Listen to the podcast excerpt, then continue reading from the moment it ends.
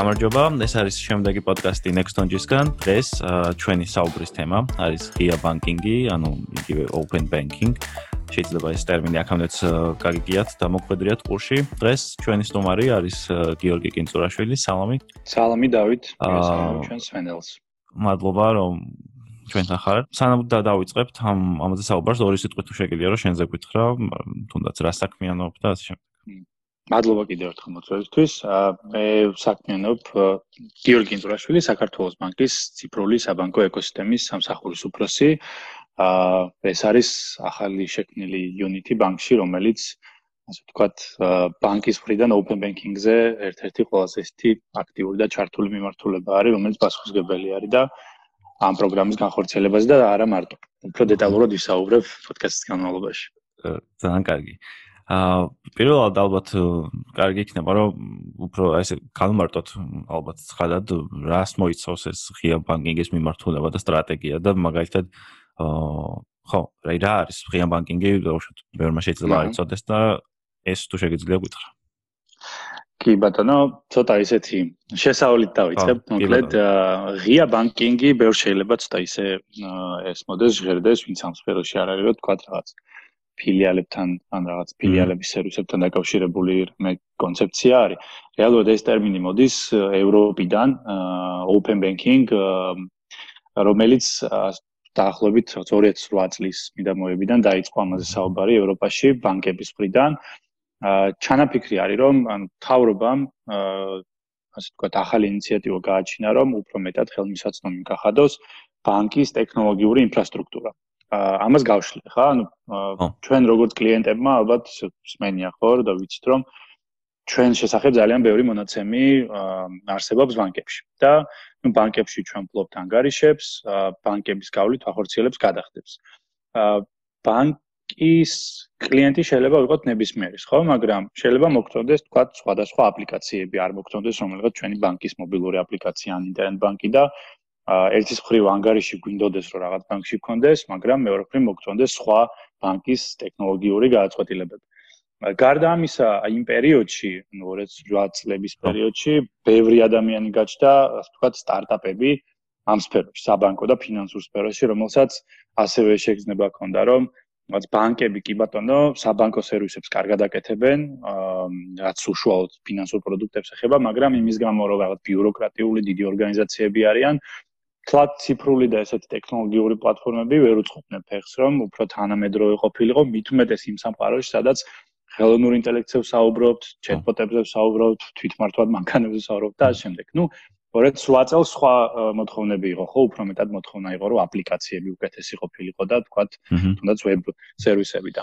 ანუ ბევრი ხალხი გაჩნდა, ვინც ასე თქვათ, უცხოურად ტერმინით რო თქვათ, დააჩელენჯა ბანკის ციფრული პროდუქტები. მეორე მხრივ კი ამ სფეროში შემოსვლა ვისაც სურდა, მათთვის არის ძალიან დიდი ბარიერი, ხო? ან შეიძლება გინდოდეს და წარმოქმნილი კონდეს კარგი ციფრული საბანკო პლატფორმა, როგორ გააკეთო, თქვა აპლიკაცია რაღაც სერვისი, მაგრამ არ იყო მზად იმისთვის, რომ ამისთვის გახდე ბანკი.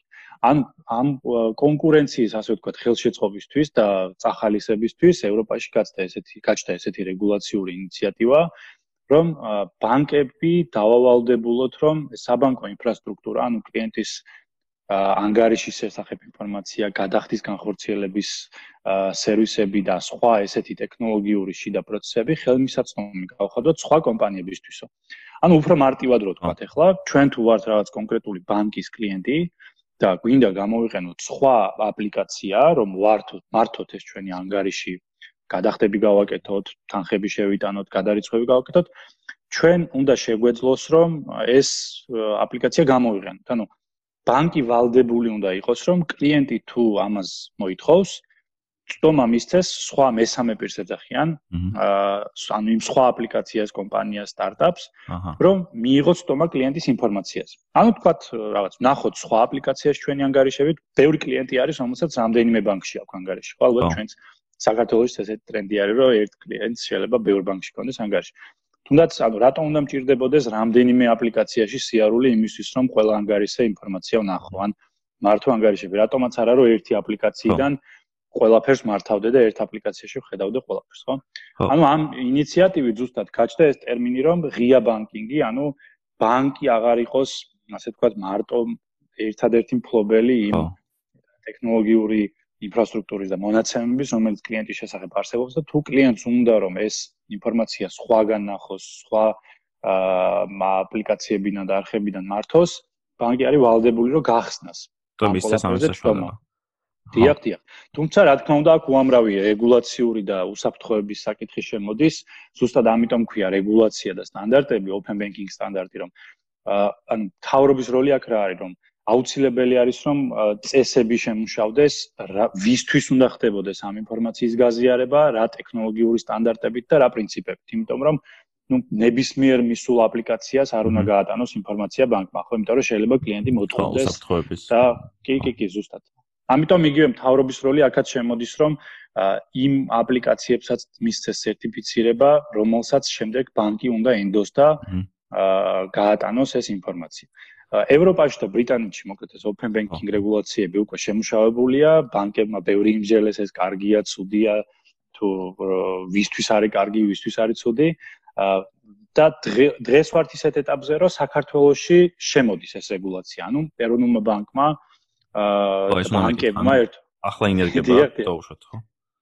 დიახ, ანუ ჩვენ ბანკ ბანკები მოკლედ მიხვდნენ, რომ საქართველოში ჩვენ ერთ-ერთი პირველი ვიყავით, ვინც დავიწყეთ ამ საუბარი და მივხვდით, რომ რეალურად ეს ყველასთვის ასარგებლოა, ბანკებისთვისაც, კლიენტისთვისაც და სტარტაპებისთვისაც და ამიტომ აქედანვე დავიწყეთ ამაზე მუშაობა და შედეგად ახლა დღეს ისეთ ეტაპზე ვართ, რომ ეროვნულმა ბანკმა, ბანკების ასოციაციასთან ერთად უკვე შექმნა სამუშაო ჯგუფი, რომლებშიც ყველა ბანკი არის გაწევრიანებული, ჩართული და ნელ-ნელა უკვე ჩვენს იმ ეტაპისკენ მივდივართ, რომ მალე გაეშვება ეს რეგულაცია და პირველ ეტაპზე ბანკებს შორის მინიმუმ იმუშავებს open banking სტანდარტი.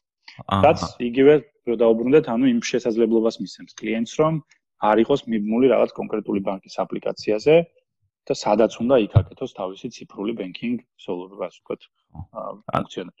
ანუ მაგალითად თუ გაქვს რამდენიმე ბანკში ანგარიში, ანუ ეს მოგცემს დაუშვათ საშუალებას, შეიძლება იყოს აპლიკაცია, რომელშიც ყველა შენი ბანკის, სხვა სხვა ბანკის ანგარიში გაერთიანდება და ერთი ადგილიდან შეიძლება მართვას, ხო ყველა? კი, კი, ერთ ადგილას ნახავ, სულ ჯამში რამდენი გაქვს თანხა, ერთიანად ნახავ ყველა ჩარიცხვებს, ტრანზაქციებს, ასე შემდეგ და აქედანვე შეძლებ რომ მართო ეს ანგარიშები, ანუ გადარიცხვები გაქვთ და გადახდეთ.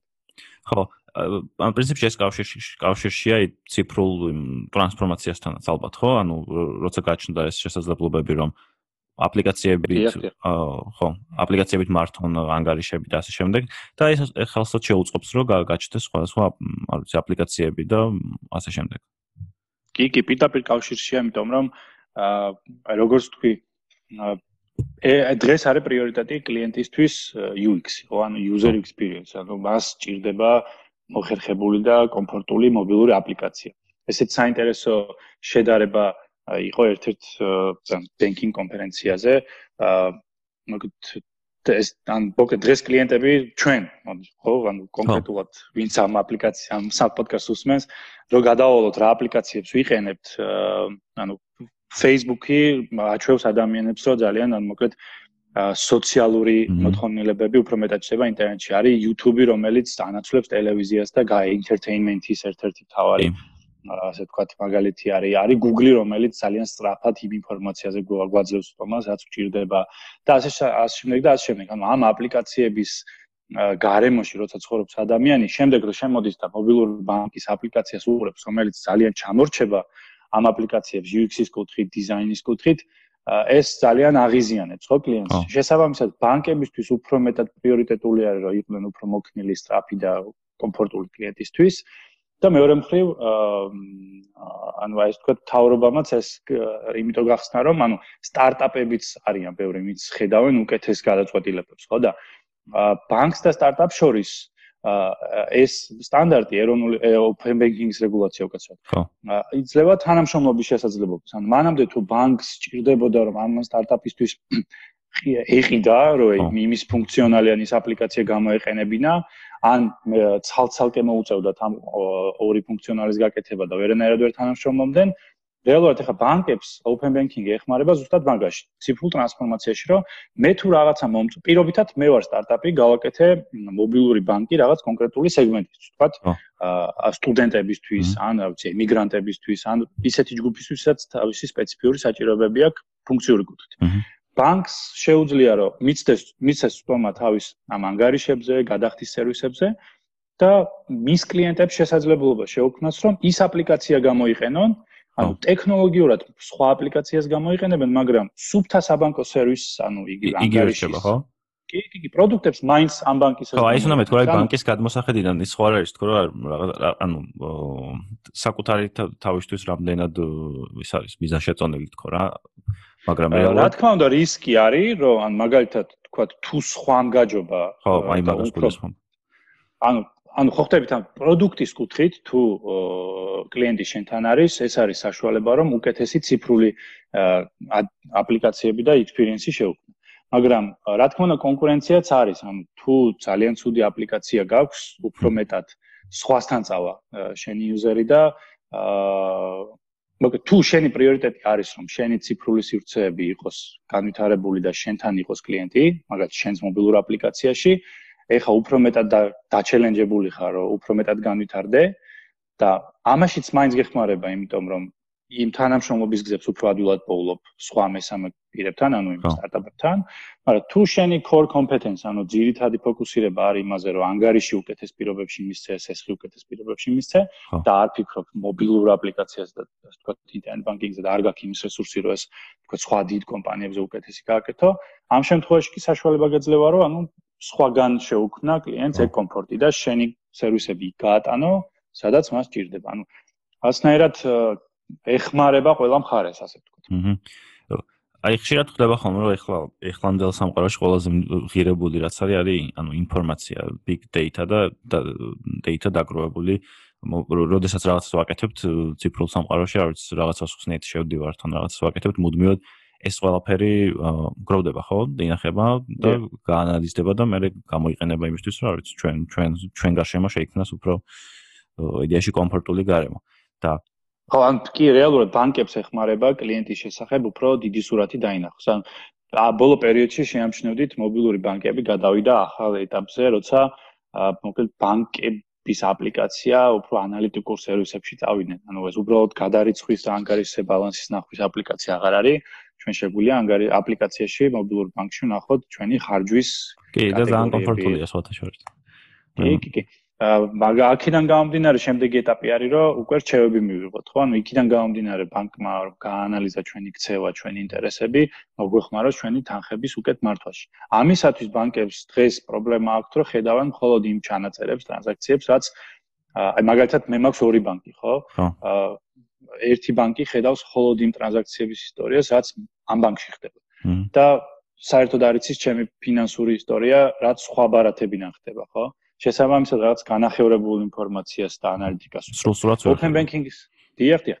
Open banking-ის შემთხვევაში მე თუ ჩემ ერთ აპლიკაციაში მოვყვი თავს ყველა ანგარიშს ამ აპლიკაციის ფლობელს ან თუ ბანკი ან fintech სტარტაპი უკვე საშუალება აქვს რომ სრული სურათი დაინახოს ჩემ შესახებ და უკეთესი ოფერები მომცეს, უკეთესად ჩემზე მორგებული პირობებით მომცეს პროდუქტები, ანალიტიკური სერვისები იგივეს, ხარჯების კატეგორიზაცია იქნება თუ ფინანსური რჩევები თუ სხვა რამ უკვე საერთო სურათზე და მთლიან მონაცემებზე დაყრდნობით იყო იქნება. ამიტომ ამ კუთხითაც ქნის შესაძლებლობას fintech კომპანიებისთვის და ბანკებისთვის, რომ კლიენტის ინფორმაციის ანალიტიკა უკეთ აკეთონ. თუმცა ვიმეორებ, კლიენტის გარეშე არაფერი არ ხდება. ანუ ერთ-ერთი ამოცანა არის, რომ კლიენტმა სწორად გაიგოს, რომ არავინ არაფერს არ იპარავს, როცა კლიენტი ამაზე თანხმდება და ოკეის დააჭერს, რომ მინდა ამ ინფორმაციის გაზიარება მოხდეს ჩემ შესახებ ამ და ამ ორგანიზაციებს. ხო, ანუ ყოველ არჩევანი აქვს ბუნებრივია, ხო? თუ რა თქმა უნდა, რა თქმა უნდა. იგივე არის როგორც Facebook-ით რო სადღაც რეგისტრირდებით და ეს პრაქტიკაშიც ასე იქნება, ხო, ალბათ ანუ თუ გინდა მომსახურებაში ჩართვა, დაეთანხმები თუ არ გინდა. რა თქმა უნდა. აი მაგალითად ალბათ ბევრ აპლიკაციაში შეგვხვედრია რომ login with your Facebook ან login with Google. იქ როცა ვაჭერთ, მე ალბათ აი გახსოვთ აპლიკაციიდან გამომდინარე შეიძლება ვკითხოს რომ მადლობ თუ არა წტომას შენს პროფაილ პიქჩერზე. ხო, ამადა ამაზე. შენს ფრენდ ლისტზე, შენს ფიდზე ან ფოტოებზე. თუ იქ ოკეის დააჭერ, მე იმ აპლიკაციას ექნება შესაძლებლობა რომ ის ფუნქციონალი მოგაწოდოს. ანალოგიურად ზოგადად რო შევხედოთ, დაახლოებით იგივე პრინციპი არის აქაც, რომ თქვით, მობილურ ბანკში თუ მოგინდება რომ გამოაჩინოს სხვა ბანკის ანგარიში, გითხავს კლიენტს ბანკი, გინდა თუ არა წამოვიღო აქედან ინფორმაცია. თუ ოკეის დააჭერს, შემდეგ შეძლებ ამ ყველაფრის ერთად ნახოს. ხო. ახლა ამ ამ პერიოდში რამე აი კორონავირუსის პანდემიის პერიოდში, რა ვიცი, რამე გავლენა მოახდინა ამან, ან რაღაც ახალი მიმართულებები ხო არ გაჩნდა ამ კუთხით ან ну, კლიენტის კუთხით, ან თვითონ სამუშაო პროცესში რო open banking რეგულაცია შემოვიდა საქართველოში, ნამდვილად არ მოახდინა, უბრალოდ ფიზიკურმა შეხვედრებმა Zoom-ში გადაინაცვლა და ვირტუალურად ხდება კომიტეტის შეკრება. კლიენტის მხრიდან რა თქმა უნდა მოახდინა უფრო იმ ხრივ რომ ალბათ ბევრ სფეროში შევამჩნევდით უფრო გააქტიურდა ციფრულად მიწოდება სხვა სხვა სერვისების და აი ჩვენს გაუშვით მაგალითად კლიენტის დისტანციურად რეგისტრაციის სერვისი რომ დისტანციურად ავიღოთ ბარათი და არ გვიწევდეს ფილიალში მისვლა და მოკეთ იმ მობილურ აპლიკაციებზე და ინტერნეტ ბანკინგზე დატვირთვა გაიზარდა, გაიზარდა კლიენტების რაოდენობამ და სერვისებზე მოთხოვნაც და ამ კუთხით აა პრინციპში მოლოდინიც ეგ იყო, რომ კლიენტის მოთხოვნა რომ უკეთესი აპლიკაციები ქონდეს, ისედაც გაიზრდებოდა და ამ ხრივ კიდევ უფრო წაეხმარა. ან ხელი შეშლის ხრივ ნამდვილად არ შეუშლია ხელი ამ სფეროში კორონავირუს. ხო. ისე როდის შეგვი აი შემდეგი ეტაპი რა არის? ხლა როგორც თქვი ანუ პროცესში ვართ ამ ყველაფრის დანერგვის და მაგალითად როდის იქნება პირველი სტოსი რა? ამ ეტაპზე ხდება ბანკების მიერ ტექნიკური სტანდარტების შემუშავება ანუ როგორც თქვით ევროპაში ბრიტანეთში უკვე ამის პრაქტიკა არსებობს და უყურებთ იმ დოკუმენტებს რა სტანდარტებით შეიმუშავდა რეგულაციები აი ესეთ წარმატებულ ქვეყნებში თუმცა რა თქმა უნდა ხდება ანალიზი და ამის მორგება ქართულ რეალობასთან, ქართულ ეკოსისტემასთან. ეროვნულმა ბანკმა, როგორც თქვი, შექმნა სამუშაო ჯგუფი და ეხლა ვართ ამ ეტაპზე, რომ ხდება ტექნიკური და იურიდიული სტანდარტების შემუშავება. შემდეგი წლის დასაწყისიდან უკვე ბანკების სურვილი არის, რომ ბანკებს შორის დაიწყოს მონაცემების გაცვლა. მას შემდეგ რაც უკვე დაიტესტება ეს მიდგომა, ნახავთ რა ტექნიკური და ასე ვთქვათ, სხვა რისკები არის. შემდეგ იქნება უკვე შემდეგი რეგულაციის ფაზა, როცა მესამე პირებზე, ანუ სხვა ტექნოლოგიურ კომპანიებზე მოხდება ამ ინფორმაციის გაცვლა. იმიტომ რომ იქ უკვე შემოდის, როგორც ვთქვით, უფრო მეტად რისკები უსაფრთხოების შესახებ და სერტიფიცირების შესახებ, რომელ კომპანიას მიესწრებს. ო, ალბათ ყველაზე რთული ნაწილი ეგ არის, შეიძლება თუ არა. კი, კი, იმიტომ რომ ან ბევრი მსურველი იქნება და მეორე მხარე არის კიდე კლიენტი რამდენად გაიაზრებს სად და რომელ აპლიკაციაში აჭერს იქ ოკეის და რამდენად იცნობს იქ გარემოს და ახლა ახლა ეს პირადი მონაცემების კონფიდენციალურობა და ასე შემდეგ ძალიან აქტუალური საკითხია მთელ კი კი ნამდვილად და ამ სტანდარტით მივდივართ რომ რა თქმა უნდა ამ აა ყველაფრის დაცვით მოხდეს ამ რეგულაციის შემოტანა. ნუ კიდე ერთი მომენტი არის რომ აქაც ანუ როგორც ვთქვით, ორად იყოფა open banking-ი, account information sharing-ი, ანუ კლიენტმა უბრალოდ ნახოს თავის ანგარიში და ბალანსი და ტრანზაქციები. მეორე მხარე არის payment initiation-ი, ანუ აა იმ მესამე აპლიკაციიდან გადახდა რო შეძლოს, ანუ სხვა აპლიკაციიდან მისი ბანკის ანგარიში რომ მართოს. ესეც ორად გაიყო, ანუ პირველ ეტაპზე ეროვნული ბანკის გეგმა რომ ანგარიშების ინფორმაციის გაზიარება ხდებოდა, შემდეგ უკვე გადახდის ინიცირება და მეორე უკვე ამ ყველაფრის სხვა აპლიკაციებზე გახსნა. ხო. ანგარიშები ანგარიშების ინფორმაციის მიწოდება ალბათ ანუ ახალ შემოთავაზებებზე მოახდენს გავლენას ალბათ უფრო მეტად ანუ დიახ დიახ როგორც თქვით ანუ უფრო მეტად ხედვა ექნება იმ კომპანიას სადაც სრული სურათის ჩვენება ხდება უკვე კლიენტის ფინანსური ისტორიის რა ჭირდება მას როგორი ფინანსური ქცევა აქვს როგორი ბრუნვა აქვს როგორი ხარჯების შემოსავლები და აქამდე თუ თქვა კრედიტ ინფოდან ხდებოდა ამ ინფორმაციის წამოღება აქ უკვე მოკეთ ანალიტიკური სერვისებისთვის ძალიან კარგი შესაძლებლობა.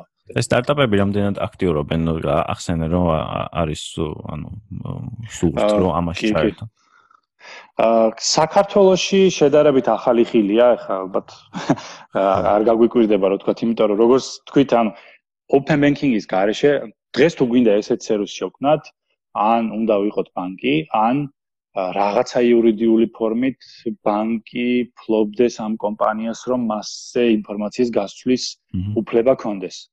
ანუ თუ ბანკთან რამე ესეთი იურიდიული წილობრივი ან რაღაც ხო, რაღაცა ესეთი კავშირი თუ არა კომპანიას ბანკისთვის კლიენტ მოგეთ მე ვერ მართავ საქართველოს ბანკის ანგარიშებს და აკაუნტს ვერ გამოვჩენ ინფორმაციას კლიენტს თუ აა იურიდიული კავშირი არ ამაქვს ამ ორგანიზაციასთან ხო შესაბამისად ამ ბაზარზე შემოსვლა არის ძალიან რთული.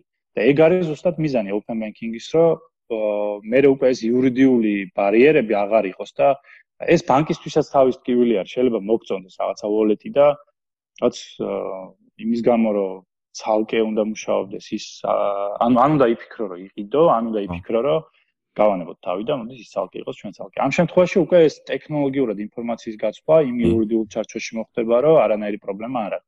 ისე ხო შეიძლება უაზრო კითხვა მაგრამ open banking-ის მეერე დავუშვათ კიდე მომავალში რაც შეიძლება წავიდეს ეს ყველაფერი თუ თუ ამაზე ევროპაში და ბრიტანეთში ჩვენზე გამოცდილი ხალხი იმას ამბობს რომ აა ანუ რეგულაციურად ვერ გეტყვით არ ვიცი, მაგრამ თავარი ამოცანა რა არის, რომ აა მოკეთ ტექნოლოგიურად ეს სერვისები საშუალება, მოკეთ საშუალება მივცეთ banking სერვისების განვითარება მოახდინოს იმ ხალხმა, ვისაც ტექნოლოგიები ესმის.